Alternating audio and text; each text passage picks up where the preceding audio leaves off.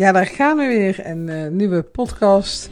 Vandaag um, een keertje niet op dinsdag of vrijdagochtend. Ik zit spontaan op woensdagavond. Neem ik een podcast op. Um, ik had eigenlijk met mezelf afgesproken dat ik niet meer s'avonds podcast zou opnemen. Omdat ik dan um, ja, vaak toch wat vermoeider klink. Maar uh, vanmiddag, ik uh, weet niet hoe het kwam. Dat, dat, doe ik echt vrijwel nooit.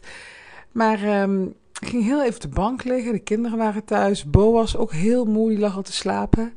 En ik ging op de bank liggen. Ik zei, Jip, kom even hier. Want die had een drukke ochtend gehad. Dus we waren met school waren ze naar zo'n um, uh, groot park in Amsterdam geweest. Het Amstelpark. Ook echt een aanrader. Mocht je ooit in Amsterdam zijn met kinderen.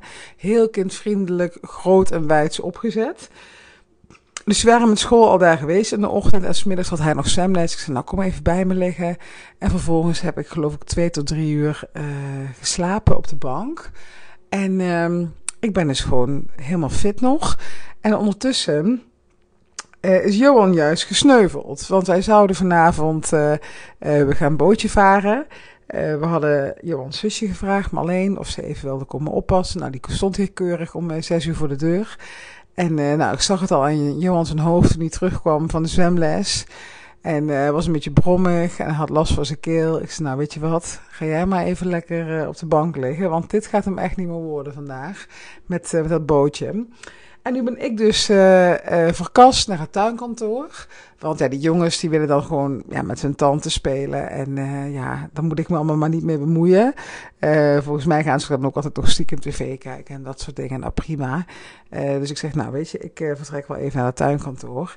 En... Um, Johan voelde zich helemaal schuldig dat Marleen was gekomen. Maar Marleen en ik zeiden al van, oh, dan gaan wij zo wel even B&B vol liefde kijken. Want echt, heb je het al gezien? Ik vind het echt... Waarschijnlijk als je deze podcast luistert, zitten we al veel verder in het seizoen. Ik zit nu bij uh, aflevering 4 of zo. Maar wat is dit smullen? Ik heb echt... Um, ik volg het ieder jaar. Ik, ik, dus ook zodra B&B voor liefde begint, denk ik, ah, yes, de zomervakantie. Zo'n bepaalde periode is dat dan. En uh, uh, nou, ik, ik heb nu al vanaf aflevering 1 dat ik uh, eigenlijk gewoon... Ik wil eigenlijk gewoon, ik zei vandaag, ik wil eigenlijk gewoon mijn business stopzetten en uh, drie dagen lang gaan bingen dat bedoel ik natuurlijk niet echt serieus, maar uh, bewijzen van spreken. Hè? Dat, ik vind het echt een briljant seizoen. Wat voor types erin zitten.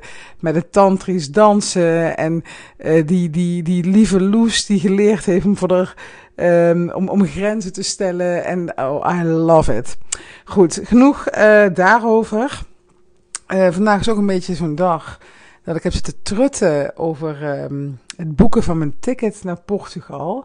Uh, uh, 9 oktober, dat lijkt nog heel veel weg, maar dat is eigenlijk al heel dichtbij. Um, ga ik naar Portugal voor het retreat van, um, ja, van Eline, van uh, het coachingsprogramma waar ik in zit. En ik heb nog zitten trutten vandaag en ik heb nog steeds geen ticket geboekt. Want ja, ik word een beetje geconfronteerd met mezelf. Ik heb het al eens vaker in de podcast gedeeld. Dat, um, ja, dat, ik het, dat ik het toch vaak moeilijk vind om langer dan vier dagen weg te gaan bij de kinderen. En nu ga ik een hele week. Tenminste, van het retreat, retreat is van maandag tot met vrijdag. Uh, maar ik kom er dus nu achter dat die vluchten, ja, dat ik toch eigenlijk zondagavond al moet gaan. En dat het toch ook wel beter is, ja, om misschien pas zaterdagochtend weer terug te vliegen. Oh, als ik het zeg, ik krijg helemaal kramp in mijn buik. Tegelijkertijd denk ik, ja, Sandra, um, ga dan maar een keertje, stretch jezelf dan maar een keer. Want anders worden het, um, ja, dan kom ik dus op vrijdagnacht, kom ik dan midden in de nacht aan. En dan, ja, dan, dan heeft mijn gezin ook niks aan me, hè, als ik uh, half uh, brak thuis kom. Dus daar zit ik lekker over te trutten. Ga ik zo meteen ook, denk ik, mijn nieuwsbrief over schrijven. Nou, de podcast werd even abrupt onderbroken. Ik schrok mijn hoedje, opeens stond Bo in het tuinkantoor. Ik zie dat dan niet snel aankomen, omdat ik een scherm voor mijn neus heb. Dus ik ga even verkassen dat als er iemand komt aanrennen, dat ik dat uh, in ieder geval um, in de gaten heb. Maar goed, genoeg over B&B uh, vol liefde. Ik zou echt zeggen, mocht je geen idee hebben wat je met je zomer aan moet, ga het kijken. En oh, ik zie ondertussen, dit is wel heel geestig. Ik zie ondertussen binnen dat er stiekem een iPad gepakt wordt. En dat ze toch nog even tv gaan kijken. Wat eigenlijk niet mocht van Johan en mij. Maar ja, daar heb je tantes en oma's voor om dat toch uh, te doen. Nou goed, uh, dat ticket naar uh, Portugal. Dat, dat gaat uiteindelijk wel goed komen. Ik ga daar zo meteen mijn nieuwsbrief over schrijven. En ik wil jou vandaag even kort iets meegeven. Dat, dat is misschien ook wel eens een keer leuk. Een podcast die niet uh, eh, 20 minuten duurt. 20, 25 minuten duren gemiddeld bij een podcast. Maar even kort en krachtig een handige tip. Ja, een tip. Een handig een handig inzicht. Laat ik het zo noemen. Een tip. Ik vind altijd zo van uh, de tip van Jip, weet je wel. Echt zo, zo net niks. Nee, maar een, een, inzicht wat ik uh, dit jaar heb opgedaan en wat um, mij ontzettend helpt in, um, in mijn salesprocessen. Um, en dat wil ik graag met je delen.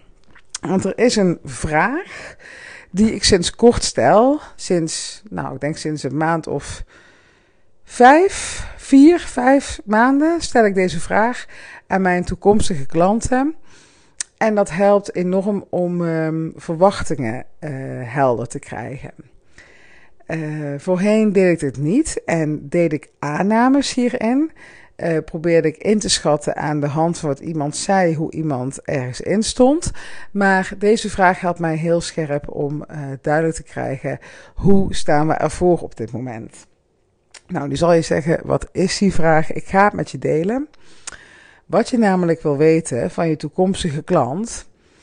En uh, dat geldt vooral als je dus uh, ook een coaching business hebt. Of als je één op één met iemand gaat samenwerken. Of als je iemand een, um, helpt met een, een probleem op te lossen. Of iemands verlangen te realiseren.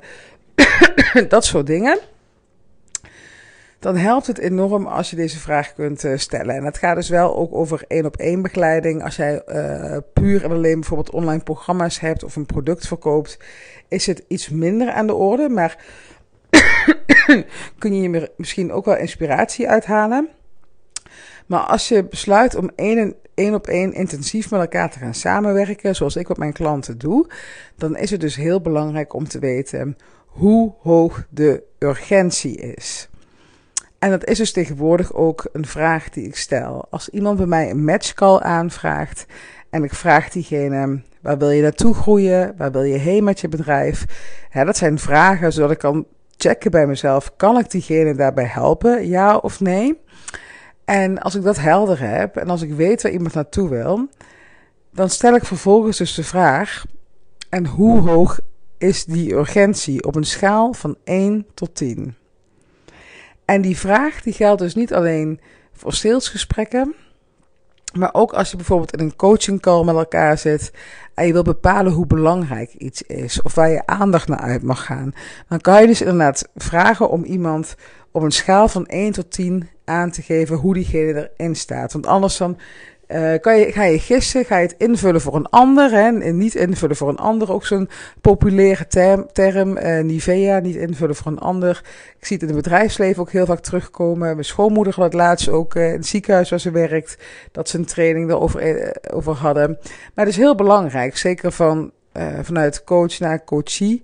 Um, uh, die, die, die verhouding is gewoon heel belangrijk om echt te testen en te checken hoe staat iemand ergens in. Dus als jij die vraag stelt, hoe hoog is voor jou de urgentie om op dit moment er iets aan te doen, dan weet je gelijk of je allebei klaar bent om die samenwerking aan te gaan. Want als iemand zegt, die urgentie is niet zo hoog op dit moment. Ik heb dat laatst met iemand gehad. Ik spreek haar al jaren. Ze wil al jaren voor zichzelf beginnen. Uh, heeft ook echt alles in huis om een fantastisch bedrijf neer te zetten. Maar de urgentie is er gewoon niet. Ze heeft een, nog steeds een, een, baan die. Ja, hij is niet verschrikkelijk. Hij is ook niet fantastisch. Um, het, de, de, de nood is niet groot genoeg. Uh, ik vroeg haar ook van hoe belangrijk uh, is het voor je? Hè? Ik, ik, stelde ook die urgentievraag. En zei ze, nou Sandra, op dit moment echt een zes om, uh, ja, om voor mezelf te beginnen. Ja, en dat is niet voldoende. Als je echt naar een volgend level wil doorgroeien, als je echt een succesvol bedrijf wil neerzetten, dan moet die urgentie bij je echt wel een acht of hoger voelen.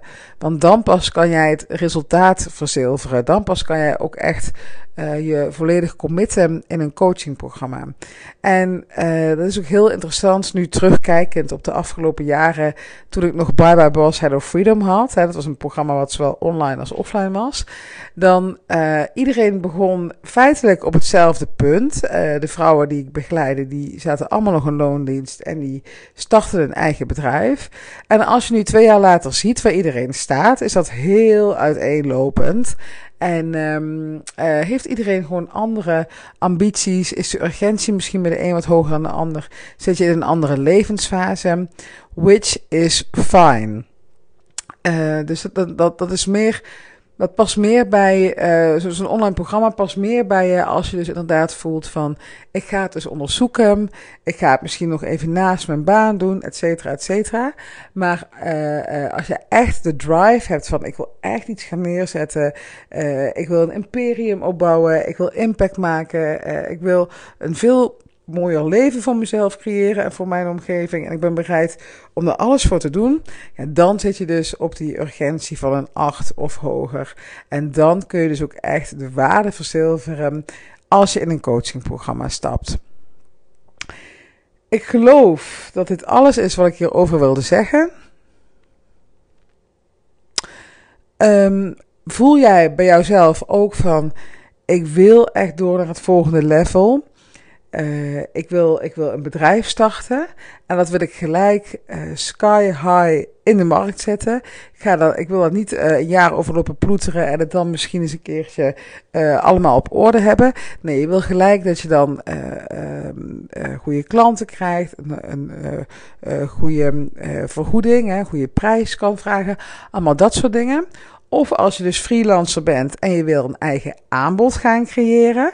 Dat, dat, zie je vaak bij freelancers. Dan, dan starten ze als freelancer uh, om flexibeler te kunnen werken, om meer te verdienen. En uiteindelijk zijn ze dan toch op zoek naar meer vervulling en willen ze een eigen aanbod creëren. Daar kun je voor bij me terecht. Of als je in de eerste twee jaar van je ondernemerschap zit en dat je denkt van hé, hey, ik. Uh, ik ben nu al een tijdje lekker bezig, maar eigenlijk wil ik gewoon een, een shortcut naar het next level. Ik ben klaar om met mezelf, met mijn bedrijf aan de slag te gaan. Uh, ik wil meer klanten, of ik wil misschien klanten die um, meer betalen. Uh, ik wil meer omzet, of ik wil misschien mijn business anders inrichten, zodat ik zelf wat meer vrijheid heb. Dat soort dingen, dan kun je allemaal voor bij me terecht. Plan een match call. Op dit moment dat jij de podcast luistert, ben ik de hele maand augustus offline. Maar je kan gewoon voor de komende 2, 3, 4 maanden, geloof ik, kan je gewoon in mijn agenda alvast een matchcall plannen. Dan krijg je ook een vragenformulier, daar kan je al lekker mee aan de slag. En dan spreken we elkaar gewoon ergens in september. Vaak is het ook een mooi moment als je uh, de vakantie achter de rug hebt gehad.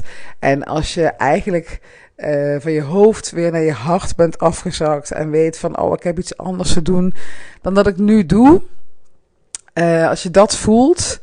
En, en als je je niet door de waan van de dag weer wil laten leiden. En toch weer gewoon die baan in te stappen. En toch maar weer gewoon te doen wat iedereen doet. Dan is dat een mooi moment om uh, met mij in gesprek te gaan. En dan ga ik met je delen wat ik voor jou zie. Wat ik denk, wat jou grootste perspectief kan zijn waar jij daardoor kan groeien op dit moment. Plan lekker die match call. En als je het nog niet gedaan hebt, of als je dat nog te groot vindt voelen, zo'n zo'n heel traject van een half jaar, waarmee ik samen met jou aan de slag ga op dagelijkse basis. We gaan dan echt samen co-creëren, samen jouw bedrijf vormgeven. Als dat nog te groot voor je aanvoelt, um, dan kun je ook altijd bij mij terecht om een focus call te, te, te, te, ja, te plannen. En dan gaan we um, samen in een uur, anderhalf uur, samen aan de slag om um, ja, jou naar. Uh, uh, in ieder geval naar uh, het eerstvolgende stap te brengen.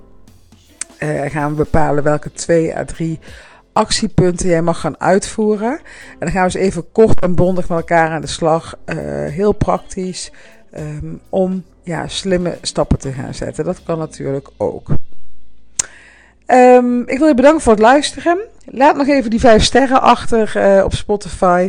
Stuur een screenshot en uh, dan doe je mee met de winactie die ik binnenkort ga doen bij 200 afleveringen. En uh, ik kan niet wachten om het uh, met je te delen. Tot de volgende podcast.